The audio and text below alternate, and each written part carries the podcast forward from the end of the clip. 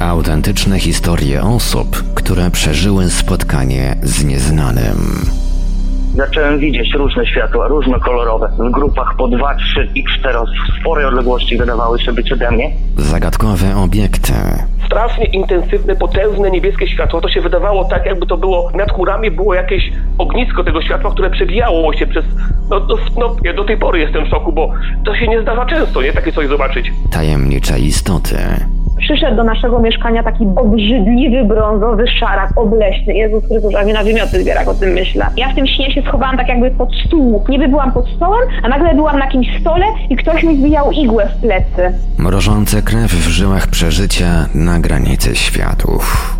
Budzi mnie skrzypienie drzwi, znów widzę to światło. Wstaję z łóżka, idę uchylić mocniej te drzwi, zobaczyć co tam jest. I widzę postacie, ale czuję jakąś grozę sytuacji. Jestem przerażona po prostu. Biegnę i krzyczę do męża, strzelaj.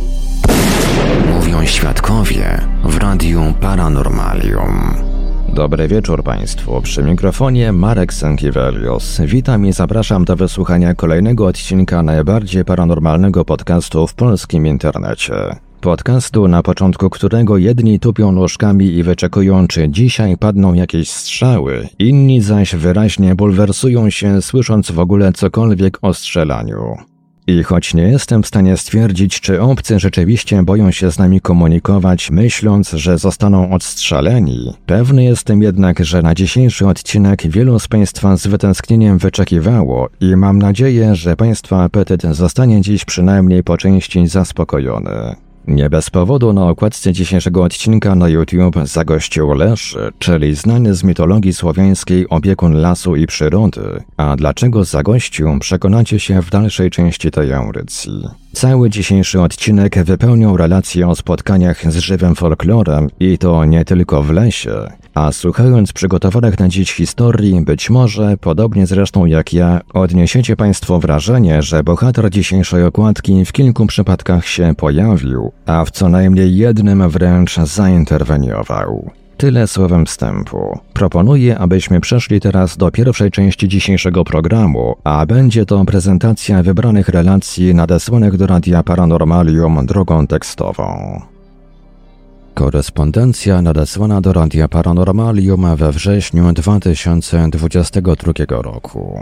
Była noc. Mieszkałam w kamienicy na parterze. Wersalkę miałam przy ścianie oddzielającej korytarz od mojego pokoju.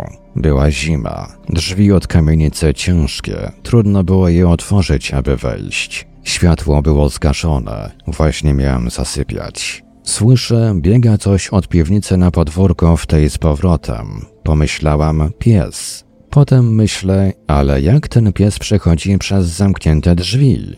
Wstałam i podeszłam do okna. Księżyc świecił jak szalony. Stoję i patrzę, czy pies nie biega po podwórku. Już miałem odejść od okna, gdy nagle widzę coś ciemnego, wielkiego przy ścianie garażu. Myślę sobie, ale duży pies i chciałem ponownie odejść, ale to coś wyszło na oświetlony śnieg i zobaczyłam ogromną kosmatą postać, która poruszała się na trzech nogach, a jedną łapą odbijała się od ziemi. Zaciekawiło mnie, co to jest, i stałam przy oknie pomimo wewnętrznego niepokoju. Owa postać zmierzała w stronę drzwi, bramy, i pod moim oknem się wyprostowała. Miała ze dwa metry. Wbiegła przez zamknięte drzwi, stanęła pod moimi drzwiami od domu. Stoję pod tymi drzwiami, chcę otworzyć, zobaczyć, ale coś mi mówi nie. Słyszę jak dyszy. Raz chcę otworzyć, raz się boję. Rezygnuję, odwracam się od drzwi. W tym momencie to coś rykło i wpadło z hukiem do piwnicy, a ja pod kołdrę, trzęsąc się ze strachu. Do rana nie mogłam zmrużyć oka. Rano sprawdzałam, czy są ślady na śniegu, bo w nocy nie padało. Nie było żadnego śladu. Relacja nadesłana do Radia Paranormalium drogą SMS-ową w styczniu 2023 roku. Tę historię opowiadał mi dziadek, gdy miałem jakieś 7 lat. Między moją miejscowością rodzinną, Szawlami a Łosicami jest most, tak zwana Wołośnica, przy którym znajduje się lasek, a wszędzie wokół są pola. Dziadek mówił, że na wojnie działy się tam złe rzeczy i że niedługi czas po wojnie jechał tamtędy koniem z wozem. Był chyba z jakimś kolegą czy z kimś, bo na pewno nie był sam. Jadąc tamtędy zobaczyli w polu nieopodal drogi barana. Był tłusty i miał ładne czarne gęste futro. Dziadek zatrzymał wóz i wraz ze swoim towarzyszem złapali barana i wsadzili go na wóz. Baran, jak każde zwierzę, beczał i się szamotał. Dziadek poganiał konia, jednak ten stawał dęba, szła mu piana z pyska i nie chciał się ruszyć. Myślę, że to przez szalejącego baranka na wozie, więc zaczął mówić baranku, baranku, czarny baranku, uspokój się. Po chwili baranek ludzkim głosem, jednak jąkając się, odpowiedział baranku, baranczku, czarny baranku. Zaskoczył z wozu i zniknął na ich oczach, a koń sam gwałtownie ruszył galopem. Dziadek opowiadał mi to dwa razy, ale więcej już nie chciał, gdy go o to poprosiłem. Wiem tyle, że ludzie mówili, że tam kiedyś straszyło, konie się zatrzymywały i nie chciały dalej iść. Wspomnę też, że raz, gdy wracałem nocą z festynu rowerem w nocy, tuż przed mostem spadł mi łańcuch i się wciął między zębatkę a ramę i musiałem kilka minut się z tym szarpać. Kilka lat później w samochodzie zabrakło mi paliwa i auto zatrzymało się przed mostem również w nocy. Jednak nie stało się nic nadzwyczajnego, poza tym, że mając w pamięci tę historię, bałem się. Relacja nadesłana do Radia Paranormalium 11 marca 2022 roku. Słuchałem w Radiu Paranormalium bardzo ciekawej rozmowy na temat żywego folkloru. Chodzi o audycję z udziałem etnograf magister Marty Kalety. Wywiad opublikowany został w cyklu Debaty Niekontrolowane w odcinku 62. Mój tato, który bardzo lubił wędrówki po lesie, w 2016 roku wysiadł z samochodu na leśnej drodze. Tuż przed jego stopą był wbity w ziemię mały drewniany krzyżyk, wisiorek o ile dobrze pamiętam. Tato nie był jakiś bardzo wierzący, ale zabrał krzyżyk i od tej pory nosił go przy sobie. Tydzień później od tego spaceru tato trafił do szpitala w ciężkim stanie. Okazało się, że ma białaczkę i po paru miesiącach zmarł. Moja siostra przekłada wagę do symboli, wzięła więc ten krzyżyk i parę innych drobiazgów i wsadziła tacie do kieszeni garnituru pogrzebowego. Do dziś zastanawiamy się, co to mogło znaczyć. Zanim tato zmarł, przyjaciółka mojej siostry miała sen. Tato leży pod dużym świerkiem, a inni przychodzą do niego się przywitać. On podaje im rękę. Na cmentarzu tato jest pochowany blisko dużego świerka. Korespondencję przekazałem magister Marcie Kalacie. Oto kilka słów komentarza od niej. Jest to historia bardzo ciekawa i mnie osobiście przypomina taką przestrogę, jaką słyszałem jeszcze w dzieciństwie, mówiącą, że nie należy zabierać niczego z cmentarza, bo jakiś duch, do którego mogło to należeć, może się na nas zemścić. Bardzo podobną historię do tej, jaką przedstawiła słuchaczka, zasłyszałam od jednej ze swoich studentek, pochodzącej z powiatu ostropskiego. Jej dziadek znalazł na polu coś, jakiś przedmiot, bardzo stary. Potem w tym miejscu przeprowadzono jakieś wykopaliska archeologiczne i okazało się, że znaleziono tam kilka ciał zmienionych epok. Chyba nawet końcu przężą tam był zakopany. W każdym bądź razie, zanim te wykopaliska ruszyły i w ogóle sprawa została nagłośniona, to ten dziadek zabrał ten przedmiot do domu. I właśnie od tamtej pory w domu zaczęły się dziać dziwne rzeczy. Jakieś szepty, dziwne odgłosy, ktoś z rodziny zachorował na jakąś chorobę nowotworową, albo ten dziadek, albo ktoś mu bliski. W końcu przedmiot ten trafił do nauczyciela, który miał przekazać go archeologom do dalszych badań. I wówczas wszystko dziwne, co miało się dziać w tym domu, ustało. Chyba nawet choroba weszła w stan remisji, ale co do tego nie jestem pewna. Historia mojej studentki okazuje się bardzo zbieżna z tą opisaną przez słuchaczkę. Inny informator działający w lokalnej grupie badaczy tajemnic historycznych z powiatu kaliskiego opowiadał mi taką historię. Kiedyś ktoś im doniósł o jakimś zapomnianym cmentarzu, czy miejscu, gdzie rozstrzeliwano ludzi. Może jakaś partyzantka się toczyła. W każdym razie ginęli tam ludzie, a ich ciała miały być zakopywane w tamtych okolicach, gdzie udała się owa grupa badaczy historii. Osoba, która mi tę historię opowiadała, mówiła, że znalazła tam w czasie takich roboczych wykopalisk łyżkę z czasów I lub II wojny światowej. Ten pan zachował ją dla siebie i gdzieś tam w składziku w dobrze sobie stanym miejscu schował. Tego samego dnia lub kilka dni później jego żona miała sen. Śnił jej się jakiś żołnierz niemiecki z czasów wojny, mówiący, że ta łyżka należała do niego. Miał ją przy sobie w czasie swej służby, więc teraz pozwoli ją sobie zabrać z powrotem. Żona opowiedziała mężowi sen. Ten, średnio dając wiarę, poszedł tą łyżkę sobie obejrzeć, odczytać jakąś wygrawerowaną na niej inskrypcję, bo takowa była, a wówczas okazało się, że łyżki nie ma. Człowiek ten szukał jej wszędzie, najpierw tam, gdzie schował, a wiedział, gdzie dokładnie schował, bo ma tego typu znaleziska u siebie pokatalogowane i nic. Nigdy tej łyżki nie udało mu się znaleźć. Osoba ta wydaje się być dla mnie wiarygodna, bo jest to znana postać wśród lokalnej społeczności. Grupa, do której należy, cieszy się uznaniem, a on sam sprawuje lokalnie ważną funkcję. Nie sądzę więc, by bawił się w wymyślanie tego typu historyjek. Co za tym stało naprawdę, tego wyjaśnić nie umiem.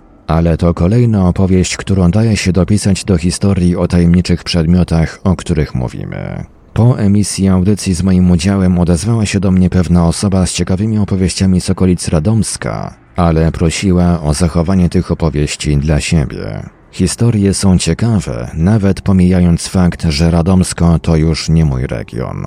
Śledziłam też komentarze pod nagraniem, starałam się na nie odpowiadać i też pojawił się pan, który opisywał historię swojego taty z ulicy Owsianej w Kaliszu. To dość ciekawa relacja o tej tajemniczej czarnej postaci, gdyż dotarłam do materiałów archiwalnych na temat podobnej istoty z okolic tego miejsca. Relacja, którą znam, tyczy się ulicy Warszawskiej. Obie ulice łączy bliską odległość. Relacja ma pochodzić z czasów przed lub powojennych. Dokładna data nie jest znana. Wiem tylko, że relacja została spisana w latach 80. XX wieku. Wówczas dwie kobiety miały uciekać przed goniącą je czarną postacią bez głowy, jak to opisywała jedna z nich. Być może więc istnieje jakieś ziarenko prawdy łączące te dwie relacje i z ulicą Wsianej i z ulicy Warszawskiej. Różniłby je tylko czas. Jeden pan wspominał w komentarzu także coś o Rogimucie, występującym na krainie straszydle na dzieciaki. Przyznam, że nie słyszałem o nim. Poprosiłam o to, by ten pan spróbował dowiedzieć się czegoś więcej, bo sam wątek brzmi ciekawie. I jeszcze jedna niezwykle interesująca relacja, która pojawiła się już po premierze audycji z panią magister Martą Kaletą. Nasz słuchacz Marcin pisze: Pozdrawiam z Kalisza. Mieszkałem na Tyńcu od dziecka. Mój tata miał tam dziwną przygodę, dokładnie na ulicy Owsianej, około 40 lat temu. Sytuacja miała miejsce dokładnie 1 stycznia 1980 roku. Moja mama była wówczas w ciąży z moim starszym bratem, który urodził się na początku marca. Rodzice mieszkali wtedy z moimi dziadkami od strony mamy. Z uwagi na stan mojej mamy nie byli nigdzie na Sylwestra i spędzili go w domu. Na następny dzień wczesnym popołudniem ojciec robił jakieś porządki na podwórku, kiedy przyszedł do niego kolega z propozycją, aby poszli odwiedzić ich wspólnego znajomego, który mieszkał w polach, pewnie na Kielicha. Nasza ulica wtedy była ostatnią w mieście. Za nami były już tylko pola i sady. Ojciec się zgodził i ruszyli w stronę pól. Do kolegi mieli około dwóch kilometrów ulicą Owsianą, która kiedyś była zupełnie niezabudowana. Idąc, zobaczyli w oddali idącą za nimi postać, która była w czarnym płaszczu. Nie wzbudziło to w nich żadnych podejrzeń czy też strachu, ponieważ na osiedlu w Tyńcu w okolicach ulicy Braci Niemojowskich mieszkał mężczyzna, który w takim płaszczu właśnie chodził. Będąc na wysokości obecnie znajdującej się tam gazowni, mój tata z kolegą stanęli na stronę. Ojciec, załatwiając swoją potrzebę, nagle poczuł, jak ktoś łapie go za ramię. Odwrócił się i zobaczył czarną postać, bez twarzy, która cofnęła się i rozpłynęła się w powietrzu. Przerażeni popędzili w stronę gospodarstwa kolegi. Będąc już na jego podwórku, mój ojciec mówi, co to było. Kolega mojego ojca zdziwiony spojrzał i zapytał, o czym mówisz? Zupełnie jakby ta sytuacja nie miała miejsca. Zaznaczam, że ojciec nie nadużywał alkoholu, ani, nie wiem, nie brał jakichś leków, czy też nie był po zakrapianym bimbrem imprezie. Dzień wcześniej z teściami zjedli kolację i dla smaku napili się małej ilości wódki. Ojciec też o tym zapomniał i po czasie kiedyś mi tą sytuację opowiedział, a mama dodała tylko, no, coś takiego było. Teraz w tym miejscu stoją już bloki i funkcjonuje duża firma. Na końcu tej drogi kiedyś powiesił się mężczyzna, ale to już było wiele lat po tej sytuacji mojego taty. Jako małolaci baliśmy się tam chodzić, bo drzewo, na którym to zrobił, nadal stało. Pozdrawiam i zaznaczam, że nie szukam atencji, a ta historia jest prawdziwa. Witam. Niedawno zacząłem słuchać archiwalnych odcinków podcastu Mówią Świadkowie. W odcinku numer 8 słuchacz z Krakowa opowiedział historię z bransoletką. Historia miała się wydarzyć na ulicy Fabrycznej. Ja i moja rodzina pochodzimy z tej części Krakowa, więc zapytałem tatę o ten adres. Tata ma obecnie 75 lat. Jak mówił, w czasach jego dzieciństwa znajdowały się tam zwykłe kamienice mieszkalne, ale zamieszkane były w większości przez kilka rodzin żydowskich, które wróciły po wojnie. Była tam też siedziba klubu sportowego KS Grzegorzecki, ale tata nie pamięta pod którym to było numerem. Nie wiem, czy to w czymś pomoże, ale takie informacje na ten temat mam. Chciałbym również opowiedzieć historię, którą znam z opowiadania dziadka, a która wydarzała się w pobliżu. Otóż miejsce zdarzenia to ulica Siedleckiego i Miodowa, miejsce, gdzie Siedleckiego przechodzi w Miodową. Dokładnie wyjście z jednej z kamienic przylegających do starego cmentarza żydowskiego. Było to zimą, niestety nie znam dokładniejszej daty. Co do roku, najprawdopodobniej między 1980 a 1982. Mój dziadek musiał udać się do nocnej apteki. Wtedy nie mieli telefonu, a najbliższa apteka znajdowała się przy ulicy Starowiślnej 77. Jak dziadek wspominał, było bardzo zimno, a na chodniku była warstwa świeżego śniegu. Nagle zauważył, że ktoś wyszedł z bramy i idzie w tym samym kierunku co on. Miał około 10 do 20 metrów zapasu. Dziadek zawołał na nieznajomego, no bo zawsze to raźniej iść we dwoje, ale tamten się nie odezwał. Dziadek postanowił dogonić nieznajomego, ale kiedy doszedł do owej bramy, z której ten wyszedł, zauważył, że nie ma na śniegu żadnych śladów butów. Zdziwił się, ale poszedł dalej. Mniej więcej na wysokości bramy cmentarnej dogonił nieznajomego. Tutaj opiszę, jak wyglądał. Na głowie miał ciężką futrzaną czapę typu uszanka. Ubrany był w brązowe, ciężkie futro aż do ziemi. Kiedy dziadek miał już się odezwać, nieznajomy odwrócił się.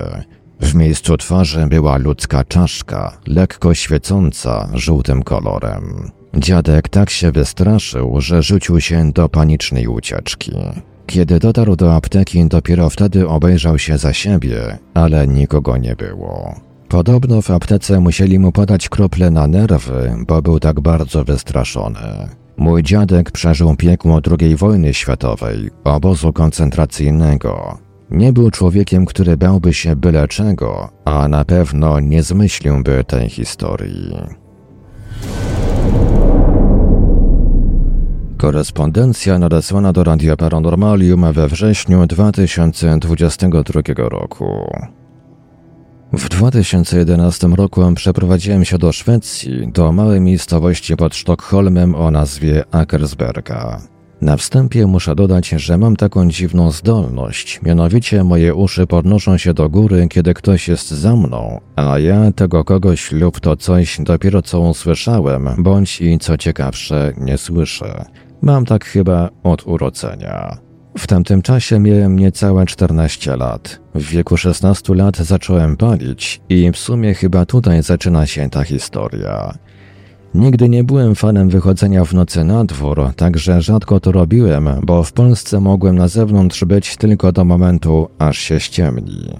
Mieszkając w Szwecji w lato obserwujemy tak zwane białe noce. Po prostu jest jasno, nawet w nocy. Nie będę ukrywał, że boję się ciemności, kiedy jestem sam. Z kimś, okej, okay, sam nie ma mowy. Wracając do tematu tego, co zobaczyłem. Było lato 2013 roku. Jak wspominałem, zacząłem wtedy palić papierosy. Miałem też pieska, Cocker Spaniela, który przy moim nocnym graniu w Counter-Strike'a po prostu zaczął mnie dziubać nosem i piszczeć, więc stwierdziłem, że wyjdę z nim chociaż na taras, żeby mógł załatwić potrzebę, a ja będę miał pretekst, czemu wychodzę po nocach, gdyby mama otworzyła drzwi wyjściowe. A więc wychodzimy. Schodzę z górki, na której był mój dom i skręcam w lewo za śmietniki, bo postanowiłem, że jak już wychodzimy, to sobie zapalę. Dom jest w małym lasku, więc jest dość ciemno, nawet przy białych nocach.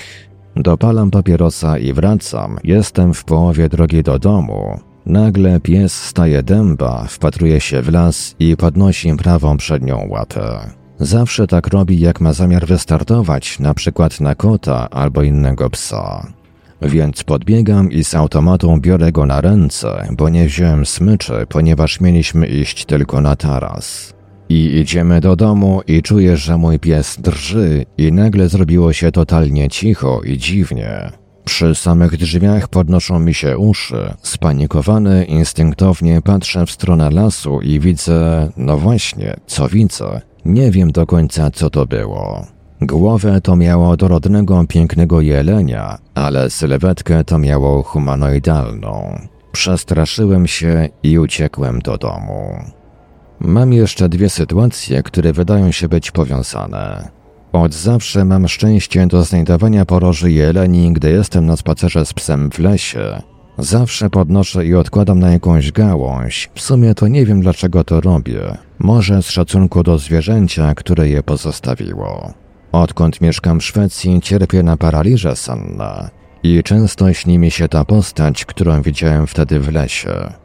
Po małym śledztwie stwierdziłem, że najbardziej przypomina to nordyckiego Jotuna albo naszego słowiańskiego Leszego, tylko że według mitologii byli oni ogromni, na około 3 do 5 metrów wysokości. To, co ja spotkałem, miało może maksymalnie 2 metry. Mieszkam teraz w innej miejscowości i od tego czasu mam mniej paraliży i mniej śnię o tym czymś. Niedaleko tego domu, w którym mieszkałem, jest kamień runiczny z czasów wikingów. Zawsze, kiedy tamtędy przechodziłem, przypominałem sobie o tym, co zobaczyłem wtedy w lesie. Po pięciu latach wróciłem tam, żeby pospacerować i pooglądać, jak się pozmieniało, odkąd tam nie mieszkamy. Na miejscu domu stoi nowa willa, pół lasu wyciętego. Autentycznie zrobiło mi się smutno i zacząłem płakać, co do mnie jest niepodobne. Tak jakby mnie coś emocjonalnie związało z tym lasem. Poszedłem dalej pomedytować przy tym kamieniu runicznym. Siedząc obok niego usłyszałem, że coś biegnie w moją stronę, że u nas jest dużo łosi, od razu się zerwałem, żeby obczaić, co to jest.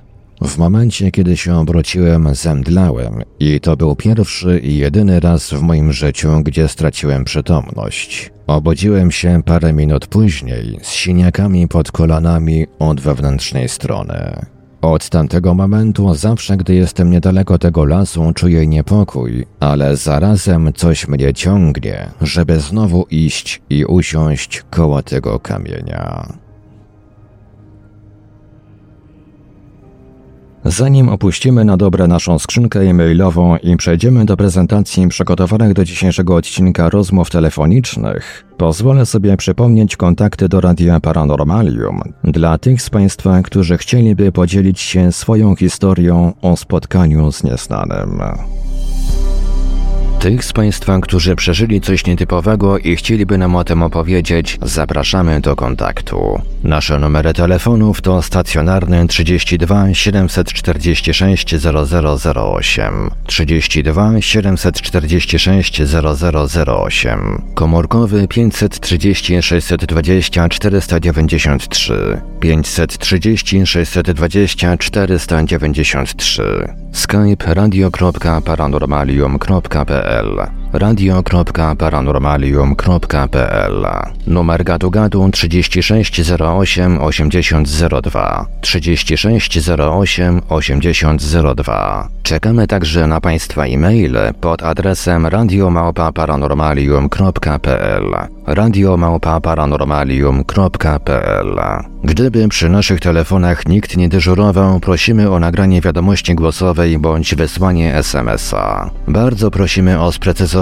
w jakiej sprawie chcą się Państwo z nami skontaktować. Słuchaczy dzwoniących z numerów zastrzeżonych lub z zagranicy prosimy ponadto o podanie numeru, na który mamy oddzwonić. Wszystkim świadkom gwarantujemy pełną anonimowość. W razie wykorzystania zapisu rozmowy w którejś z audycji istnieje możliwość zmiany barwy głosu. Przechodzimy zatem do prezentacji przygotowanych na dziś rozmów telefonicznych. Rozmówcę, którego za chwilę usłyszymy, niektórzy z Państwa mogą pamiętać. Ten słuchacz gościł już w audycji Mówią Świadkowie w odcinku 24, w którym opisał dziwne zdarzenie, do jakiego doszło w kamienicy przy ulicy Wiejskiej w Łomży w roku 1956. Opisany przez niego incydent okazał się na tyle intrygujący, że śledztwo w tej sprawie podjął znany wielu z Państwa badacz Damian Trela. Polecam Państwa uwadze artykuł zatytułowany Łomża zjawa lecąca w obiekcie UFO, który znajdziecie na blogu Damiana pod adresem czastajemnicblogspot.com. W rozmowie, jakiej za chwilę wspólnie wysłuchamy, główna część będzie poświęcona zdarzeniu z dziwną istotą, jakiego doświadczyła matka naszego słuchacza. Będą też wspomnienia o innych zdarzeniach przywodzących na myśl spotkania z żywym folklorem. Przejdźmy zatem do słuchania. Może zacznę od tego, że pan na pewno pamięta tą relację, którą opowiadałem o, tej, o tym jaju, w tego wnętrzu była ta, ta, ta postać kobiety, prawda? Tak, pamiętam. Łomża, ulica Wiejska. To zacznę od tego, że to w tym samym, tej samej kamienicy miało miejsce, jak moja mama opowiadała. To była końcówka lat 50., względnie początek 60. I wtedy tam, jak mama opowiada, bo tam też, też przepytałem parę dni temu, także dla odświeżenia, że została wtedy puszczona do kina wieczorem moja mama. Tak jako 9, 10, góra 12 lat mogła mieć wtedy, tak. Wracała z kina po prostu z koleżanką, tam rozstały się, wróciła do domu mama, tam przebrała się do snu, pościeliła sobie łóżko, tak z tego co pamiętam mama, to reszta domowników już spała z tego, co tak odświeżyła sobie ostatnio z, ty, z tego przeżycia. No i położyła się spać do łóżka po prostu i w pewnym momencie zobaczyła już światło pogaszone, przyłożyła głowę do poduszki, zobaczyła, że coś leży na poduszce i, dotkn- i tak wyciągnęła rękę i powiedziała Murka, to ty? Chodziło o kotkę. Była kotka Murka w tym domu, tam taka przychowana. Wychodziła czasem na podwórko, wracała, tak dalej. No, domowy kotek, klasycznie, że tak powiem. Powiedziała po prostu Murka, to ty? I chciała ją pogłaskać. Jak tego dotknęła, to powiedziała, że się przeraziła, bo to było coś tak twardego, jak napięte druty, czy taka szczecina po prostu jakaś, że, że mama cała zdrętwiała, zaczęła krzyczeć na cały głos. Wszyscy tam się pobudzili, otworzyli drzwi do pokoju mamy, zapalili światło.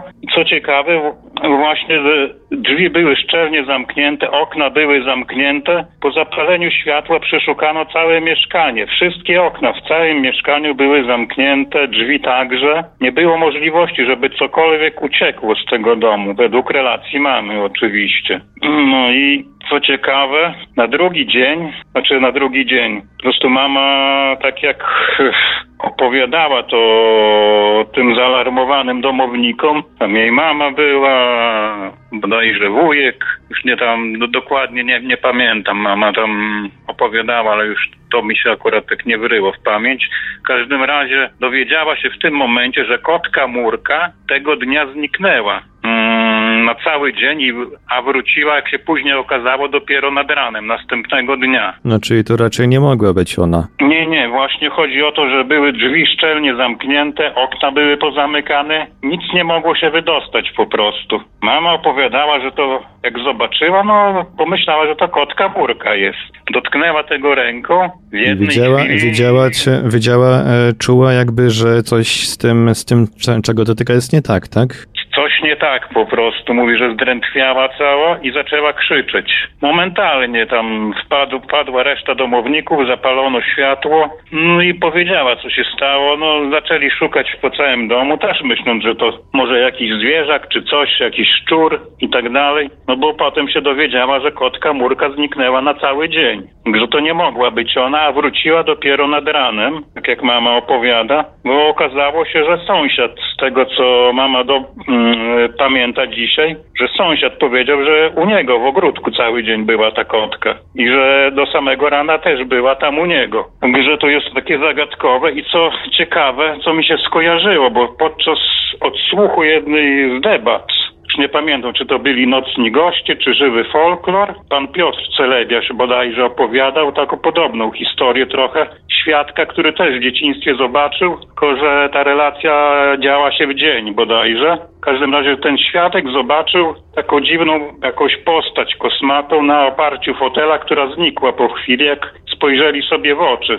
Świadek opowiadał i później ta postać zeskoczyła i znikła gdzieś w głębi domu. I co ciekawe, właśnie ten świadek też opowiadał, że wszystkie koty z tego domu zniknęły na cały dzień wtedy. I tak mi się to skojarzyło, potem przypomniała ta historia mojej mamy. To taką zbieżność zauważyłem po prostu. Czy jakieś podobne siły nie mogły tutaj działać, czy... Być czy może coś się, prostu... coś się przedostało przypadkiem bądź celowo z jakiegoś innego wymiaru i po prostu zareagowało w taki sposób na to, że jak, się, jak sobie zdało sprawę, że zostało odkryte, kolokwialnie mówiąc. Mhm.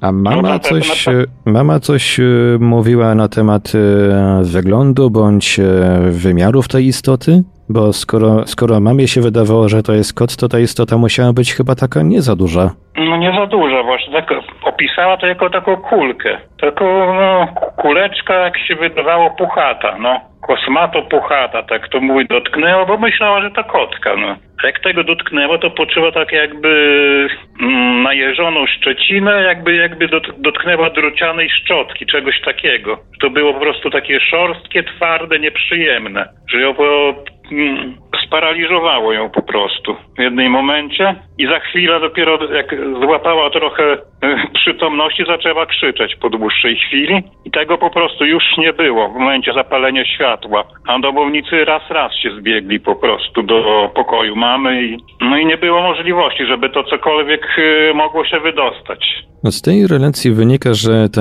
ta postać jakby e, spokojnie, jak gdyby nic sobie zniknęła. Czy, czy mama coś wspominała o, o ruchach tej postaci, tej istoty?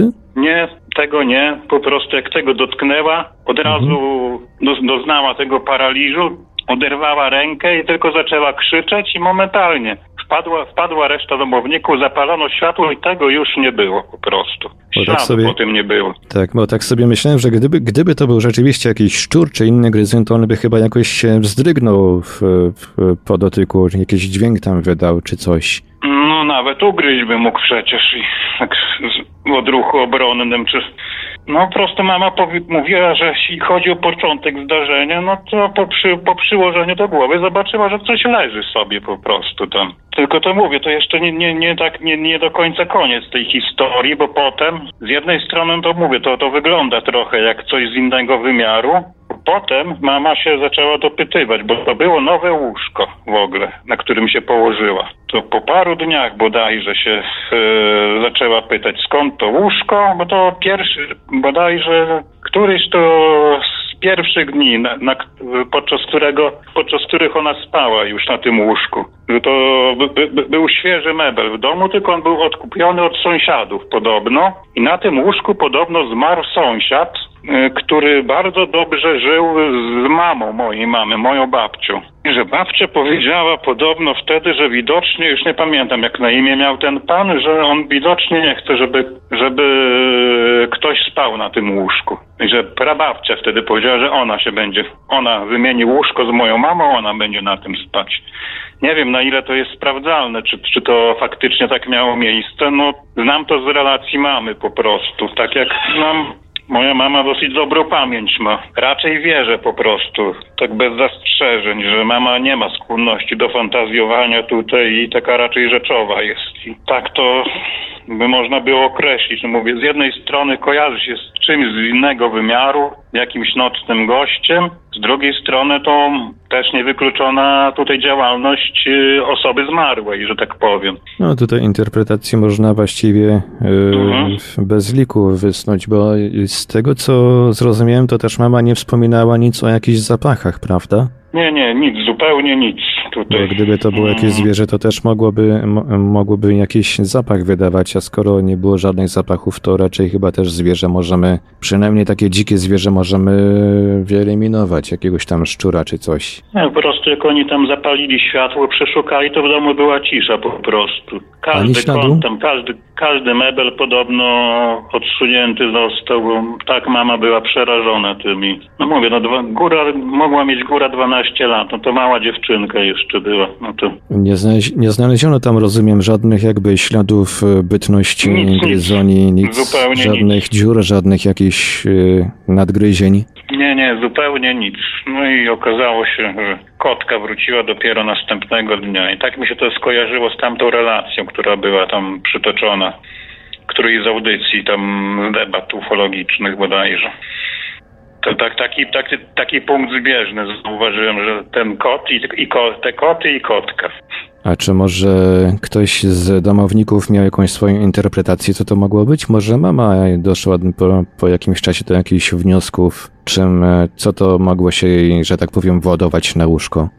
Mama po prostu tutaj do, mówi do dzisiaj, że kto mówi, że za cholerę nie wie do dzisiaj, co to było. No, Myślę, że na tamte czasy może nie próbowała tego interpretować aż tak bardzo. Może, może chciała No pewnie zapomnieć. też przerażenie, pewnie też strach tutaj tak. zadziałał.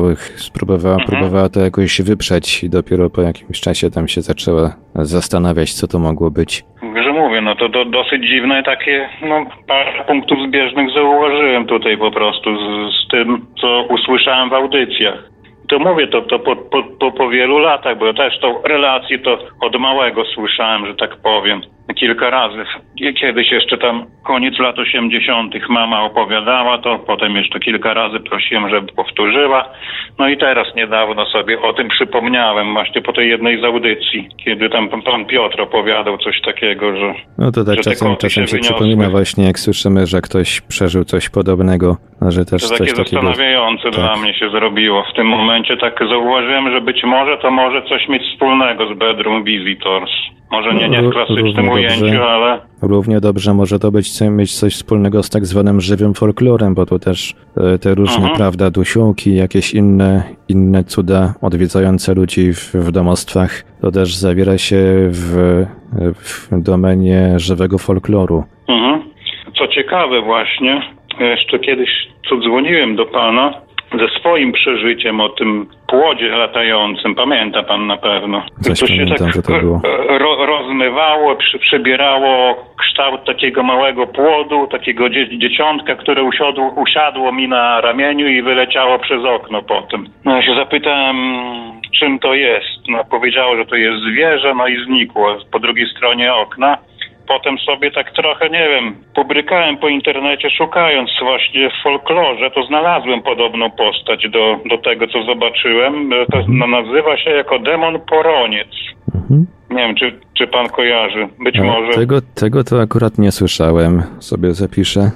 No, poroniec. No po prostu bardzo podobne to było w kształcie do, do, do tego, co zobaczyłem. Najbardziej, najba, może nie było, nie jest to identyczne, ale najbardziej podobne to było to właśnie. I takie ryciny zauważyłem, że próby rekonstrukcji tego demona, no, że podobno to jest y, duch dziecka zmarłego w połogu, czy, czy coś tak.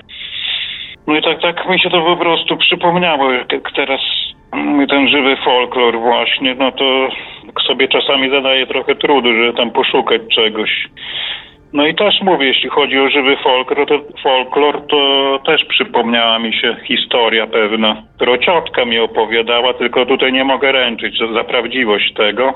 Niemniej takie, bo to też słyszałem pierwszy raz bodajże tą historię na początku lat 90., jak byłem w odwiedzinach u ciotki tam w Warszawie. Ona obecnie w Łomży mieszka, to jeszcze mógłbym ją wypytać ewentualnie o to. Tylko no, no trochę absurdalnie to brzmi. Aczkolwiek później to tak jakbym potwierdzenie tego usłyszał, ale mogę to opowiedzieć. No, może pan opowiedzieć jak najbardziej. No to, to też prawdopodobnie był początek lat 60., no, tam kilkanaście lat ciotka miała, że była jak szkolna wycieczka na Starą Łomżę, kierunek tam Stara Łomża nad rzeką, tam wioska Siemień bodajże, dalej jeszcze jest e, Pniewo, te, takie okolice, jeśli mam to geograficznie tak umiejscowić. No i podobno tam zaszli na polanę, już nie pamiętam, czy, on, czy, czy, czy to była wycieczka z nauczycielką, czy samowolka jakaś, już te, tego nie jestem w stanie tak przypomnieć sobie. W każdym razie, że trafili na taką polankę, na której podobno zobaczyli koło chatkę, która stała, tak jak ciotka opisywała, to była chatka na kurzej łapce. Że wyszła stara kobieta z tej chatki, powiedziała, że bodajże nazywa się babcia, jakaś tam, jakieś imię wymieniła, już nie powiem jakie, nie pamiętam, że zaprosiła, że jeśli ktoś chce coś zobaczyć ciekawego, to mogą wejść. Tam trzy osoby się podobno wybrały, na chwilę wyszły po chwili, po paru, po paru minutach, że całe, całe blade były podobno wystraszone i, i pozostali zaczęli pytać, co, co oni tam zobaczyli. Te, te dzieci odpowiedziały, że lepiej nie pytajcie, nic wam nie powiemy nigdy. No tak to wyglądało. No nie jestem pewien, nie, nie ręczę za tą historię po prostu tutaj, aczkolwiek kilkanaście lat później, już nie pamiętam kto, w jakich okolicznościach, ale najprawdopodobniej na jakieś tam spotkaniu, na imprezie to było, ktoś powiedział, kolega mój bądź jakaś koleżanka, że kiedyś tam na Starej Łomży ktoś kiedyś mówił, że stała chatka na kurzej łapce, że jak, jakieś, jakaś zła sława ją otaczała. To była zupełnie niezależna relacja, taka, jak, tak jakby potwierdzenie tego. I mówię, wbrew temu, co opowiedziałem przed chwilą, że tak absurdalnie to wygląda, no to jednak wydaje mi się, że jakieś te elementy żywego folkloru w tym się zawierają. Nie wiem, co pan na ten temat sądzi. No mówię, to wygląda trochę jak w bajce o Jasi i Małgosi bodajże. No takie trochę rzeczywiście bajkowe klimaty. No, no. Ja tutaj te relacje postaram się oczywiście podesłać badaczom współpracującym z Radiem mhm. Paranormalium. Zresztą widziałem tam, że chyba Damian Trera jakieś śledztwo zrobił w sprawie tej istoty złomży, tej z tej kamienicy. Tak, tak, tak. To już tam mhm. na czasie tajemnic jest e, tak. udokumentowane nawet. Mhm. E, to jakby pan, e, jeżeli to oczywiście nie będzie jakiś problem, to jakby pan mógł tam w wolnej chwili ciotkę podpytać o szczegóły tego zdarzenia, to, bo to też póki ciotka jeszcze żyje, to warto to zarejestrować. Mhm, dobrze, no to ja będę w kontakcie. No, no na pewno wypytam przy okazji. Mhm. Dosyć dobrze się miewa jeszcze. Dobrze. E, rozumiem, Nawet. że tutaj jakby zapis tej, tej historii przekazanej przez pana mamę jakby mogę tutaj wykorzystać w którejś audycji też? Tak, tak, oczywiście. oczywiście. Nie ma problemu. Hmm, próbowałem mamę namówić do rozmowy, ale tak nie bardzo chciała akurat, ale powiedziała, no, że jeśli to, ja mam tak samo powiedzieć, to nie ma problemu. No i też mam tak samo tutaj, tutaj moja mama też e, sporo takich różnych rzeczy, e, kilka razy na przykład w życiu UFO widziała, ale jakoś nie za bardzo chyba Aha. się mhm. garnia do, do rejestrowania tego swoim głosem, także muszę to kiedyś też ją podpytać, jakiś taki wywiad z nią zrobić, bo też dosyć takie ma ciekawe przeżycia z tym związane. Dobrze, ja tutaj już nie mam żadnych pytań odnośnie tych relacji. Tak jak mówiłem, postaram się przesłać e, zapis tej rozmowy też badaczom, tutaj współpracującym z Radiem Paranormalium i, i jeżeli będą jakieś, jakieś pytania mieli do tych historii, to do tego zdarzenia, to jak najbardziej się skontaktują. Bo jeśli chodzi o pana Damiana Tyrele, to ja mu przesyłałem bodajże to, tą relację mojej mamy, to też mu przesyłałem mhm. E, w formie maila mhm. bodajże. Mhm. Ale to im, im więcej badaczy będzie wiedzieć, tym lepiej, także nie mam nic przeciwko temu. Tam No, może możliwe, pan to że- po prostu, że... Tak, możliwe, że Arek Miazga tutaj jakieś e, podejmie śledztwo, bo on bardzo Mhm. siedzi mocno w tych tematach właśnie związanych z żywym folklorem. E, Też Mhm. e, e, cały cykl artykułów na ten temat opublikował. Magonia po polsku, nie wiem, czy, czy pan kojarzy. Tak, tak, wiem. Już tam kupuję Nieznany Świat, tam czwarty wymiar i tym podobne. I w internecie też oczywiście śledzę. Tam mówię, No się pasjonuję tym ostatnio najczęściej. Nie, niedawno jeszcze mówię, że tak mówimy o literaturze, przeczytałem książkę ko, e, Kosmiczne Wrota Johana Fib- Fibaga. Mhm. To też tam czytając tą książkę zauważyłem takie pewne koincydencje, po prostu może, znaczy mnie dotyczące, może cho- chodzi o doświadczenia senne Mhm. że niektóre, niektóre moje sny były bardzo zbieżne z niektórymi relacjami ludzi. Tam o tej drabinie, która sięgała nieba w odniesieniu do drabiny Jakubowej. Mhm. Bodajże, nie wiem, czy pan czytał w ogóle tą książkę? Pewnie tak, E, podejrzewam. nie, koja- nie kojarzę. E, Znaczy czytam, ko- kojarzę autora, ale książki jeszcze nie miałem sposobności czytać. Kosmiczne wrota, czy Gwiezdne wrota, to jest właśnie książka o Bedroom Visitors, takich O. no, dosyć szeroko pojęte, e, szer, szerokie ujęcie tematu. W każdym razie zauważyłem wie- wiele zbieżnych takich punktów. Tam w jednej relacji też bodajże było coś, że o jakiejś plazmie, która przybierała kształt i konkretny i zatracała. No to, to tak jakby odniesienie do tego, co ja widziałem. Tam nie było w tej relacji w, ksi- w książce akurat żadnej postaci takiej humanoidalnej, no ale niemniej w paru punktach po prostu co, coś mi się tam, że tak powiem, zmroziło krew w żyłach. Tak. Se pomyślałem, że mógłbym być uprowadzany czy coś takiego. No ale tak se przetłumaczałem na, zdro, na zdrowy rozum też po prostu, że to dużo zależy od pracy mózgu przecież też. I, No też y, sen to jest też taka, taka sfera, w której pewne rzeczy, pewne nasze lęki się, się lubią w taki właśnie humanoidalny też sposób y, materializować, także to można na różne, różne też takie bardziej przyziemne sposoby tłumaczyć. no mówię, no na pewno nie wszystko jest, że tak powiem, od razu z innego świata, no. No dokładnie. Niemniej, niemniej, no zamykać się na wszystko też nierozsądnie. Mówię czasem, No, dokładnie. no, najbardziej dziwne rzeczy mogą się okazywać prawdą. Mówię tak, pewnie jeszcze więcej miałbym do opowiedzenia, tylko mówię, tam moja siostra kiedyś coś przeżyła z takim błędem leśnym jakby. Może na następny raz zostawię ewentualnie tą historię. No warto będzie też, warto byłoby też siostry podpytać o, o detale, jeżeli to Mhm. y, będzie możliwe. A moja siostra, moja siostra kilka razy coś, coś tam przeżyła, tylko mówię, mus, musiałbym z nią porozmawiać, czy to odpowiednio, z, że tak powiem, opisać. Mhm. Dobrze to. Tak, tak, tak na szybko, co, co mogę powiedzieć, że kiedyś siostra opowiadała mi, że, e, że przebudziła się w środku nocy, to taka krótsza relacja, i zobaczyła, że coś stoi w progu naszego pokoju, bo mieliśmy wspólny pokój w dzieciństwie, że zobaczyła takiego jakby karzełka, który stoi przy postaci kobiecej w progu i próbowała mnie obudzić. Ja nie reagowałem po prostu i ten karzełek chodził tak jakby w kap- kapelusiku jakimś, taki jak, jak skrzacik jakiś, takie zgrabne nogi miał długie, jak pasikonik bodajże opisywała. Szczupły bardzo był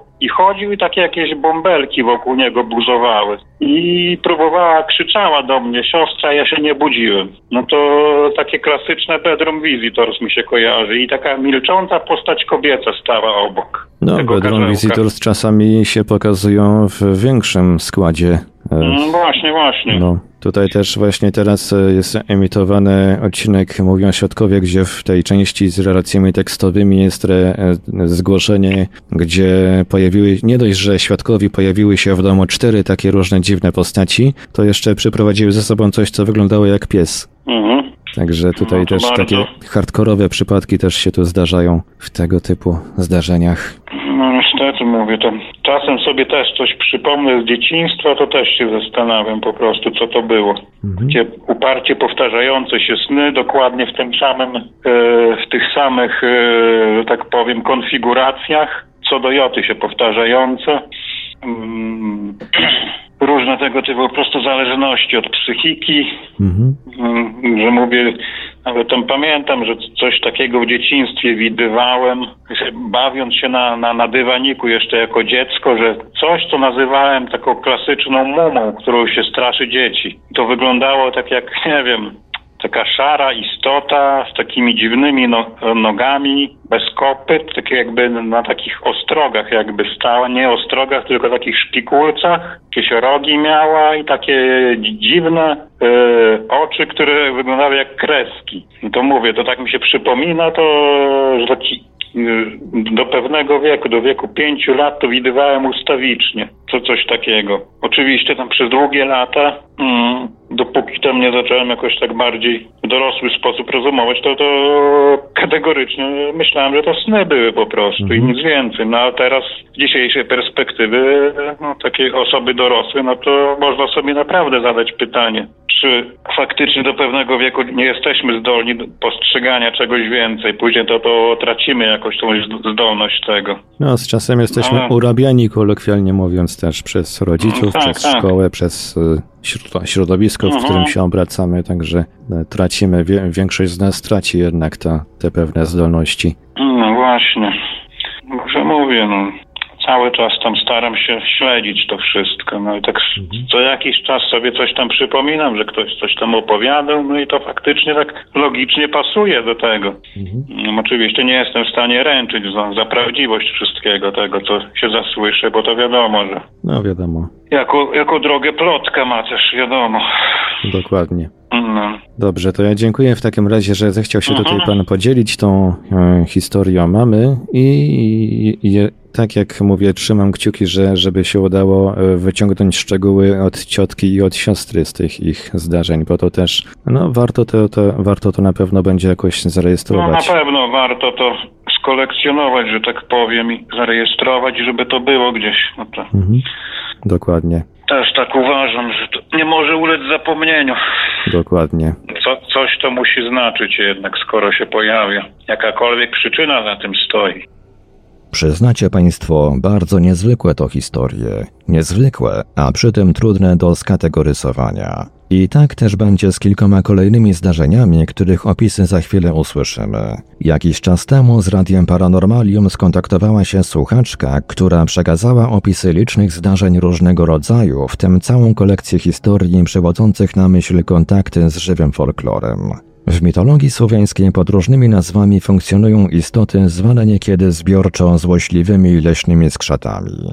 Zwodzą ludzi, prowadzą ich na manowce, namawiają do zrobienia czegoś itd. Tak Opis dość szokującego bliskiego spotkania z leśnymi skrzatami w miejscowości Burletka opublikował niegdyś Arkadiusz Miazga. Podobnych zdarzeń jest oczywiście dużo więcej. Dziś natomiast usłyszymy opis bliskiego spotkania ze zwodniczą siłą w okolicach Borów Tucholskich. Pierwsza historia to była za dziecka. Nie pamiętam, który to był rok, ale pamiętam miesiąc. To był sierpień, bo ciocia wtedy miała urodziny. Moja ciocia. I, i w ten dzień byliśmy na wsi, a babcia nasza mieszkała w tak, w lesie, na takiej polance, tam miała taki drewniany domek stary, już nie żyje babcia. I w dzień urodzin ja, mój brat i kuzynka mieliśmy udać się do tej babci. Babcia jakieś tam bukiety dla nas przygotowała na cioci na urodziny i wierszyki. Mieliśmy się nauczyć wierszyków dla cioci. I mieliśmy iść całą trójką i w pewnym momencie mój brat mówi, co wtedy mnie zaskoczyło, mówi, że on teraz nie idzie, on przyjdzie sam. My poszłyśmy z, z kuzynką, wróciłyśmy, no i się okazało, że brat zaginął. I to jest jak najbardziej prawdziwa historia i on się odnalazł dopiero pod wieczór, w godzinach wieczornych. Oczywiście ciocia zapłakana, ale co wtedy opowiada mój brat? To takie trochę dziwne. On miał z nami iść, tak opowiadał, ale usłyszał głos w głowie. I on poszedł w innym kierunku i on do tej pory twierdzi, bo tam e, rozmawiałam z nim kilka lat temu na ten temat, że on wiedział dokładnie, gdzie ciocia, gdzie babcia mieszkała, ale głos go poprowadził i poszedł zupełnie do innego lasu, w innym kierunku. I tyle, co pamięta, to wszedł i ujrzał taką olbrzymią kulę światła, która się uniosła do góry. I chwilę później, zaraz, chwilę później pojawiła się starsza kobieta. Tam, no powiedziała mu dziecko, co tu robisz i, i zaprowadziła go do domu. To była taka y, historia. On No to takie zdarzenie trochę przywodzące na myśl e, z jednej strony zdarzenie z, z udziałem UFO, a z drugiej coś z klimatami żywego folkloru, prawda? On uważa, że się więcej nic nie stało, wie pan, ale jego nie było cały dzień w sumie. Rzadko poruszy ten temat, no ale dziwna, dziwna historia. A teraz kolejny już raz w dzisiejszym programie pojawi się Leszy. Kolejny raz, bowiem, o ile mnie pamięć nie myli, jakiś jego szwedzki odpowiednik zagościł już w części z relacjami nadesłanymi drogą tekstową. Usłyszymy teraz opis zdarzenia, w którym tajemniczy głos znikąd próbował powstrzymać dwie młode dziewczyny przed popełnieniem pewnego strasznego głupstwa. Tutaj sobie zapisałam, co my tam jeszcze przeżyłyśmy, bo jeszcze nie, nie każdą historię sama przeżyłam. Tutaj zatytułowałam Jaskółki. Też miałam taką historię jako nastolatka z kuzynką. E, Byłyśmy u wujka tam właśnie, tam gdzie ta babcia mieszkała, która robiła nam te bukiety. E, No oczywiście jak miał y, pole, gospodarkę i on gdzieś, my czekałyśmy aż wyjedzie, y, bo gdzieś tam miał jechać, no i, i pojechał. Chciałyśmy w tym czasie, wie pan, y, iść do obory. No, taki głupi pomysł i dwie jaskółki sobie wyhodować. Zabrać małe, małe z gniazda i wyhodować sobie. I jak się wujek już oddalił, jak daleko, poszłyśmy, wzięłyśmy drabinę i kuzynka się y, wspięła na tą drabinę, ja trzymałam drabinę i w tym momencie, kiedy ona y, wyciągnęła rękę, w tym momencie rozległ się krzyk, męski krzyk dookoła nas. Ale tam żadnego mężczyzny w pobliżu nie było. Nie było, tam była babcia, my nawet nie jesteśmy w stanie powiedzieć, co to. To był męski krzyk, ale co najdziwniejsze, ten męski krzyk to był głos wujka. Tyle, że wujka nie było. Na 100% pojechał. I to było takie, no tak jakby obok nas, tak bliziutko. Tak jakby was coś próbowało powstrzymać przed jakby ingerencją w życie tych jaskółek. Obie to słyszałyśmy, ona wtedy jakoś potrąciła to gniazdo. Gniazdo spadło, tam było chyba z pięć jaskółek. My uciekłyśmy, poszłyśmy się upewnić, czy wujek na pewno nie wrócił, ale to by nawet nie było możliwe, bo przecież widziałyśmy jak jechał, a to było chwilkę. Babcia nas upewnił, upewniła, że nie, ale ten głos sły- słyszał, słyszałyśmy autentycznie. Obie i to był taki, taki donośny głos, krzyk. A nie jestem w stanie powiedzieć, co, y, co ten ktoś powiedział. Czyli tak jakby, tak jakby, to, jakby ten głos po prostu próbował was stamtąd przegonić, tak? Chyba tak, nie miałyśmy chyba tego zrobić. Tak doszłyśmy później do wniosku, że to było chyba złe. Zresztą ta sprawa ze jaskółkami, później wzięłyśmy te jaskółki, chowałyśmy. One później nam zdechły. Grzeszek młodości. Teraz poznamy krótki, acz intrygujący opis, jak to kuzynka naszej słuchaczki, wybrawszy się pewnego dnia na grzyby, zobaczyła na środku polany chatę, której nigdy wcześniej ani nigdy później tam nie było.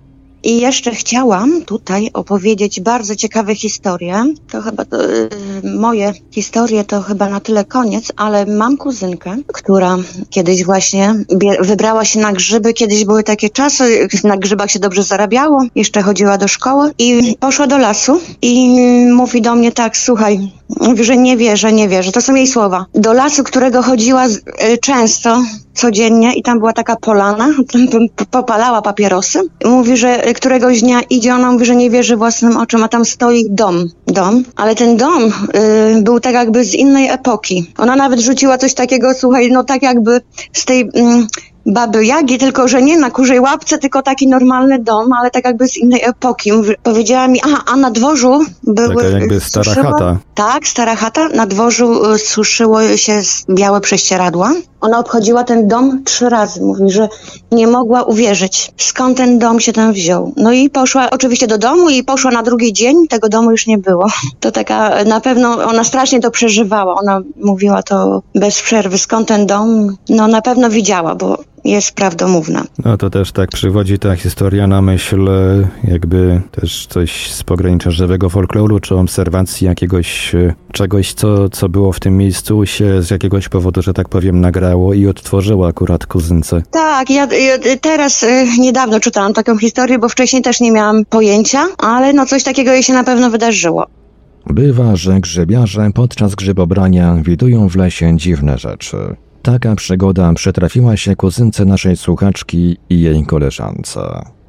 I teraz jeszcze chciałam opowiedzieć taką historię, to też jej koleżance, też to w biały dzień i też w lesie. E, przepraszam, bo tutaj znowu przerwało. To się, to się zdarzyło koleżance, jeżeli dobrze zrozumiałem? Nie, to koleżance i kuzynce. One szły też na grzyby, też to się działo latem, do lasu i to nie było w samym lesie, tylko tak na pograniczu lasu. One szły do lasu i nagle zobaczyły, do, la, jak do lasu wchodzi istota. I to tak jakby pełzało ona opowiada i, i ja się pytam, jak to wyglądało. Ona mówi, że to był pół człowiek, pół zwierzę i to pełzało, ale mówi, że najbardziej, bo one były blisko tego, że taki chrust jakiś ten, że nie było żadnych odgłosów. One to widziały w ciszy, jak to wpełzało do lasu.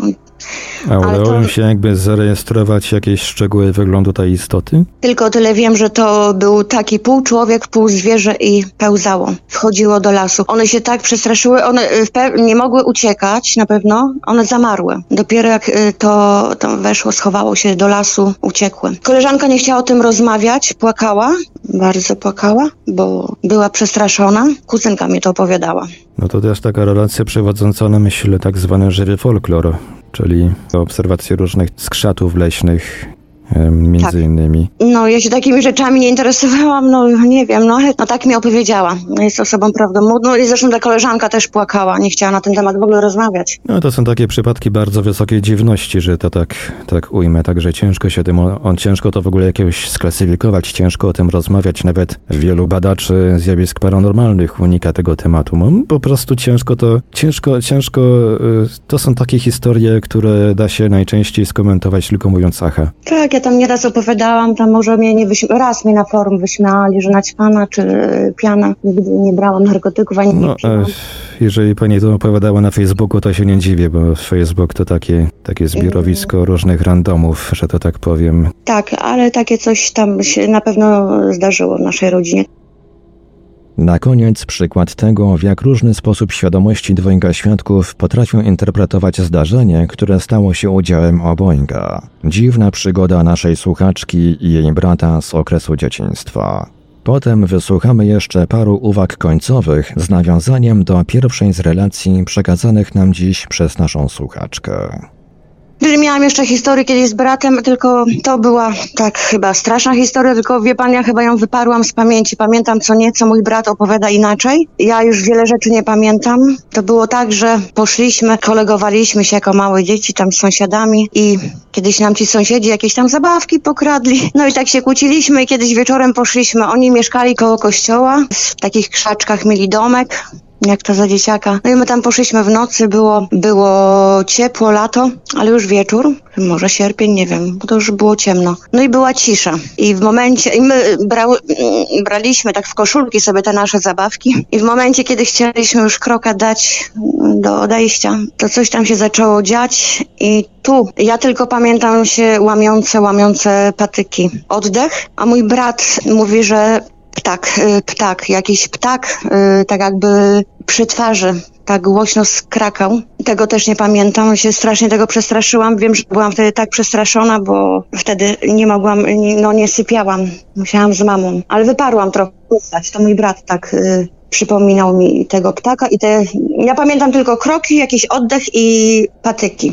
No to musiało być zdecydowanie coś, co wykraczało dalece poza wasz, poza wasz jakby zasób wiedzy o świecie, tak? O, o świecie i o życiu. To było, że brat, on tam starszy o dwa lata ode mnie, te słowa pamiętam do dzisiaj, że a teraz opuść powoli te zabawki i chodź powoli za mną. No i tak szłam powoli za nim i później to już e, noga. No i tam już na tej ścieżce, jak wyszliśmy z tych krzaków się, e, i wiatru nie było, tych patyków, nie mam pojęcia co to było. Tam brat trochę inaczej tą historię pamiętam. Ja byłam zbyt wtedy przerażona, jakąś chyba wyparłam to z pamięci. No to musiało być na pewno coś e, z czym, e, z czym jakby intelekt pani i brata nie mogło sobie poradzić, coś takiego totalnie nowego totalnie jakby spoza takiej osobistej bazy danych i wiedzy o życiu, o świecie, tak to ujmę. To było. Ja tam y, zresztą miałam koleżankę za dziecka, to pamiętam jak kiedyś tylko poszłam, opowiadała mi o te, tej sytuacji, to ten sąsiad powiedział, że tak by tam straszy, bo on jak sobie tam czasami wypije, to tak mi powiedział, to zwracał tam gdzieś i ktoś tak jakby o niego, koło niego stał i to samo robił, tak jakby się z niego nabijał. Tyle powiedział. Także nie wiem, Taki troll. było. No coś tam się może działo, tylko że że tak nie, nie pamiętam. O tej historii miałam w ogóle nie mówić, no coś tam się na pewno stało, mój brat pamięta bardziej. No to może kiedyś przydałoby się brata namówić, żeby to jakoś opowiedział swoimi słowami, jak on to, jak, jak on to widział. No, brat wyjechał, ale może, może go kiedyś poproszę. Może się uda. Może się uda. Jeszcze jakby tak brat opowiedział o tym, y, tym UFO, to, to byłoby zupełnie fajnie. No to za, zawsze warto skonfrontować zeznanie, bo jeżeli zdarzenie widzi kilka osób, to warto jakby porównać to, co, to, co każdy ze świadków widział. Tak, no brat akurat sam widział, znaczy nie, on widział kulę światła, taką unoszącą się do góry. Ciekawe, bo y, mówi, że on do tej pory, tam 4 lata chyba rozmawialiśmy na ten temat, bo 4 lata temu u niego byłam, to mówi, że to nie było tak, że on sam chciał iść do tego. Mm, mm, tylko co, coś, go, coś go głos? jakby ciągło. Głos, mówi, że w głowie słyszał głos. Na pewno powiedział, że w głowie słyszał głos, który go doprowadził na, do lasu, na taką polanę i tyle co pamięta, on y, wszedł, zobaczył taką ogromną kulę światła, która wyszczeliła do góry. I, chw- I chwilę później pojawiła się ta kobieta z pytaniem, dziecko, co ty tu robisz? I to na razie tyle, jeśli chodzi o historie przekazane przez naszą słuchaczkę.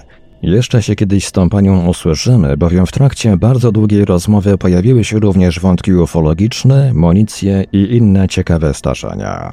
Teraz zrobimy krótki przerywnik, po którym przejdziemy do prezentacji ostatnich przygotowanych na dziś relacji. Pamiętajcie, Leszy wszystko widzi. Bardziej niż nieprawdopodobne, niemożliwe, niewiarygodne. Radio Paranormalium. Paranormalny głos w Twoim domu. UFO Relacje, polska baza relacji o obserwacjach UFO www.uforelacje.pl. Podziel się już dziś swoją obserwacją. Czekamy na relacje współczesne oraz z lat ubiegłych. Wszystkim świadkom zapewniamy pełną anonimowość. UFO Relacje, polska baza relacji o obserwacjach UFO www.uforelacje.pl.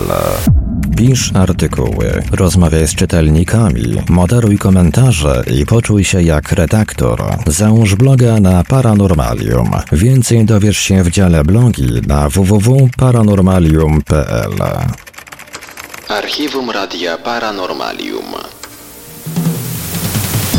Pełne archiwum audycji najbardziej paranormalnego radia w polskim internecie.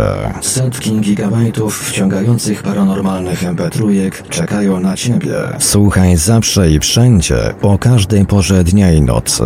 Dziel się nagraniami ze swoimi znajomymi i pokaż im świat, o jakim boją się nawet pomyśleć. Archiwum audycji Radia Paranormalium znajdziesz w zakładce podcasty na www.paranormalium.pl. Nieograniczona przestrzeń do nieskrępowanej dyskusji na tematy paranormalne, ezoteryczne i nie tylko. Forum Radia Paranormalium. Dołącz do nas na forum.paranormalium.pl. Rozmawiaj z prezenterami i innymi słuchaczami na żywo. Wejdź na naszego czata z dala od Facebooka na www.paranormalium.pl. Autentyczne historie osób, które przeżyły spotkanie z nieznanym. Zagadkowe obiekty, tajemnicze istoty, mrożące krew w żyłach przeżycia na granicy światów. Mówią świadkowie w Radiu Paranormalium.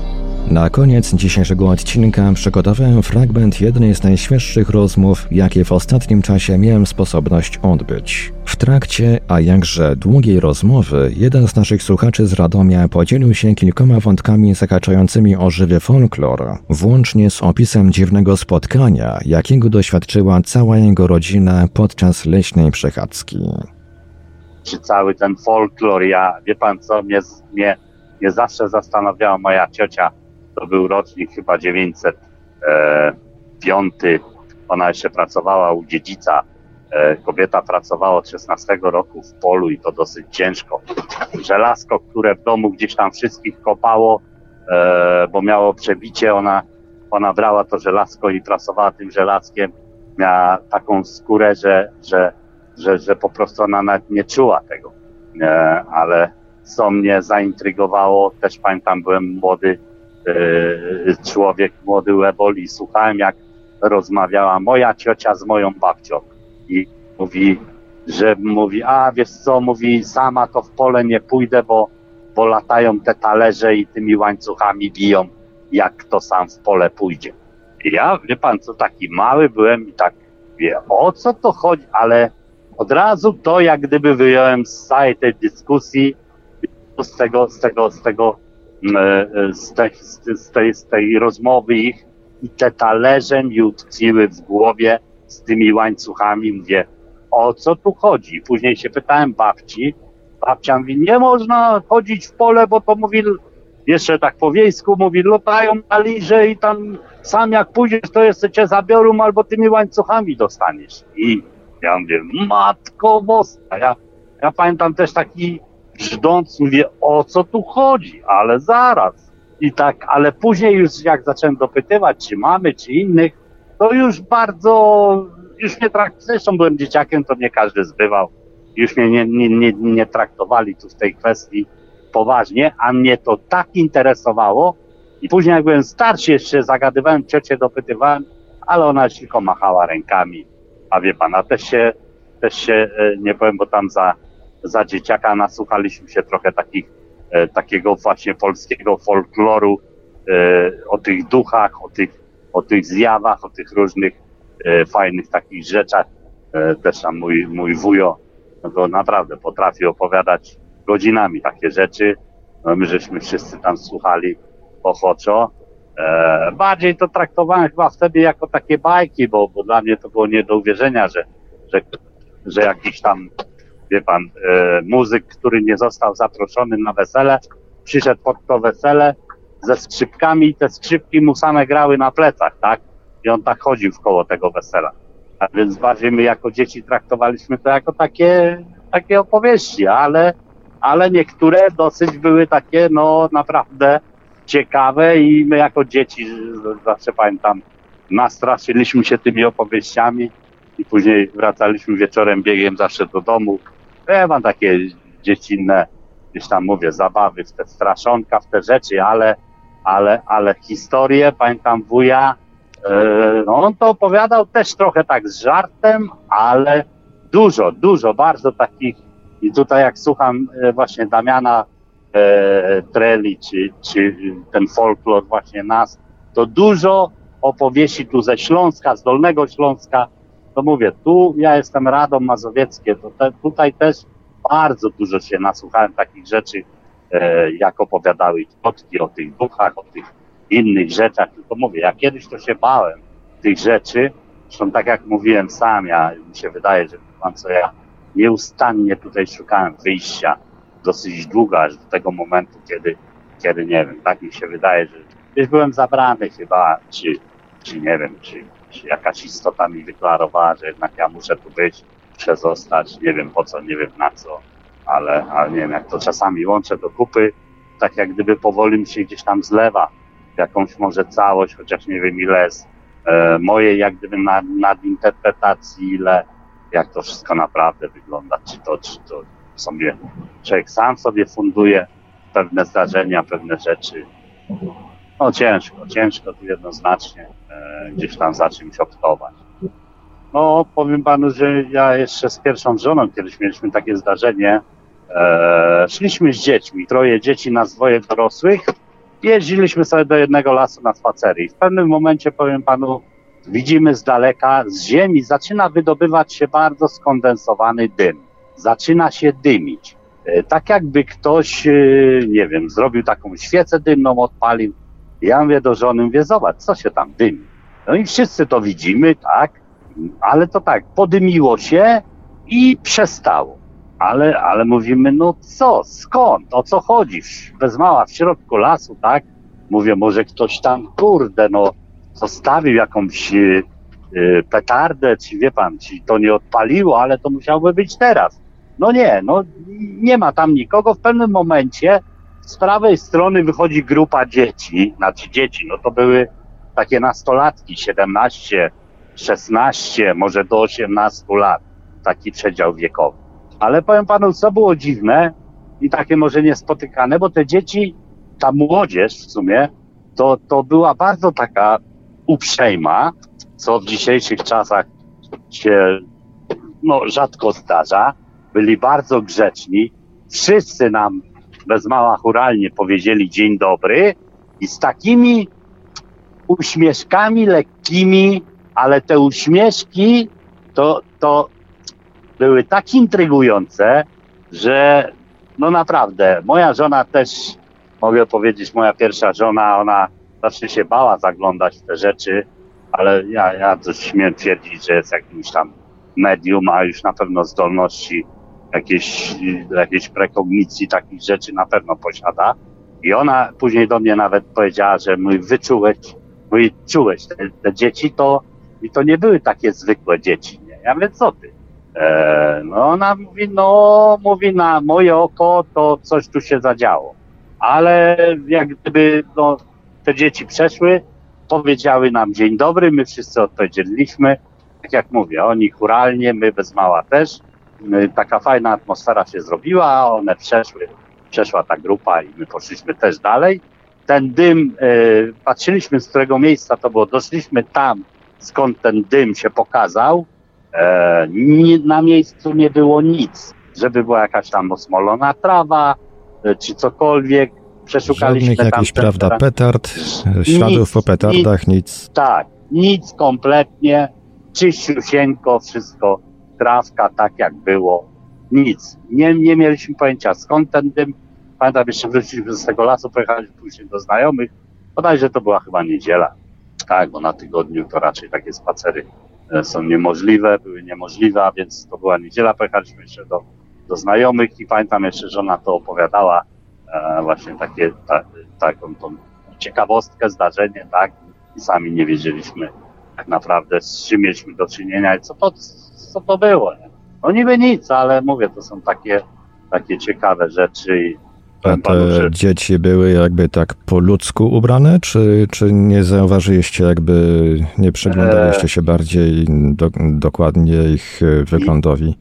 No ja właśnie, ja, ja z tego co ja pamiętam, to, to te dzieci miały bardzo takie sympatyczne buzie. Były bardzo takie grzeczne e, i uprzejme, ale jeśli chodzi o ubranie, nie potrafiłbym powiedzieć, co były ubrane, jak były ubrane. Nie wiem, nie mam pojęcia. Musiałbym się spytać e, e, żony, ale to w tym momencie to raczej, znaczy no jest to niemożliwe. Mnie osobiście by nie odpowiedziała, ale, ale podejrzewam, że jakbym zagadał syna, żeby z nią porozmawiał o tym fakcie, bo oni też byli wtedy z nami, jeszcze byli młodsi, to, to myślę, że może ona by pamiętała, e, w co byli poubierani i tak dalej. Ale też bardzo takie no dziwne, dziwne to było i, i mówię, ona też zwróciła na to uwagę, a tak jak mówię, zdolności jakieś w sobie e, no nie, no, no 100% ma, tak, bo, bo potrafiła patrzeć tak, że, że no widziała rzeczy, widziała rzeczy, jak gdyby nie będąc tam, a, a, a opisywała i to robiła to niejednokrotnie. Byłem tego świadkiem, jak, jak y, opisywała coś, y, co się zadziało, a ewidentnie wiem, że tam nie była, no bo była przykładowo ze mną, czy była z nami z domu, tak? A opowiadała, co tam się działo. Też takie dziwne, tylko że ona zawsze mi powtarzała, że się boi tam zaglądać, bo to nie jest przyjemne, a do tego ona w nocy cały czas czuje kogoś i, i ona jak gdyby, ja to myślę, że nawet może przychodziły do niej istoty o pomoc, ale ona jak gdyby no nie chciała tutaj się otworzyć na ten, wie pan, na, na tą kwestię i sobie nie życzyła. O tak do mnie bynajmniej mówiła, że ona sobie nie życzy, ona się jeszcze tego boi, to ona tego nie chce, tak? No spokojnie, ale to, to, to takie mówię, zdarzenia życiowe i tak oto poznaliśmy dzisiejszego wieczora kolejną, dość sporą garść dziwnych zdarzeń z pogranicza naszej rzeczywistości. Zdarzeń trudnych do sklasyfikowania i prowokujących trudne pytania o prawdziwą naturę otaczającego nas świata. Gorąco zachęcam do dyskusji o nich i wymieniania się spostrzeżeniami w sekcji komentarzy pod dzisiejszą audycją, bądź, jeśli Państwo wolicie, na forum Radia Paranormalium pod adresem forum.paranormalium.pl. A jeśli macie Państwo jakieś swoje historie o spotkaniach z nieznanym, którymi chcielibyście się podzielić, zapraszam do kontaktu. Mówił do Państwa Marek Sękiewelios. Radio Paranormalium, paranormalny głos w Twoim domu. Dziękuję za uwagę. Dobranoc i do usłyszenia w kolejnych naszych audycjach. Śledźcie zapowiedzi na naszej stronie internetowej www.paranormalium.pl oraz na naszych profilach społecznościowych. Tych z Państwa, którzy przeżyli coś nietypowego i chcieliby nam o tym opowiedzieć, zapraszamy do kontaktu. Nasze numery telefonów to stacjonarny 32 746 0008, 32 746 0008, komórkowy 530 620 493, 530 620 493, skype radio.paranormalium.pl älä radio.paranormalium.pl Numer gadu gadu 3608 8002 3608 8002 Czekamy także na Państwa e-maile pod adresem radiomałpa-paranormalium.pl radiomałpa-paranormalium.pl Gdyby przy naszych telefonach nikt nie dyżurował, prosimy o nagranie wiadomości głosowej bądź wysłanie SMS-a. Bardzo prosimy o sprecyzowanie, w jakiej sprawie chcą się Państwo z nami skontaktować. Słuchaczy dzwoniących z numerów zastrzeżonych lub z zagranicy prosimy ponadto o podanie numeru, na który mamy oddzwonić. Wszystkim świadkom gwarantujemy pełną anonimowość. W razie wykorzystania zapisu rozmowy w którejś z audycji istnieje możliwość zmiany barwy głosu.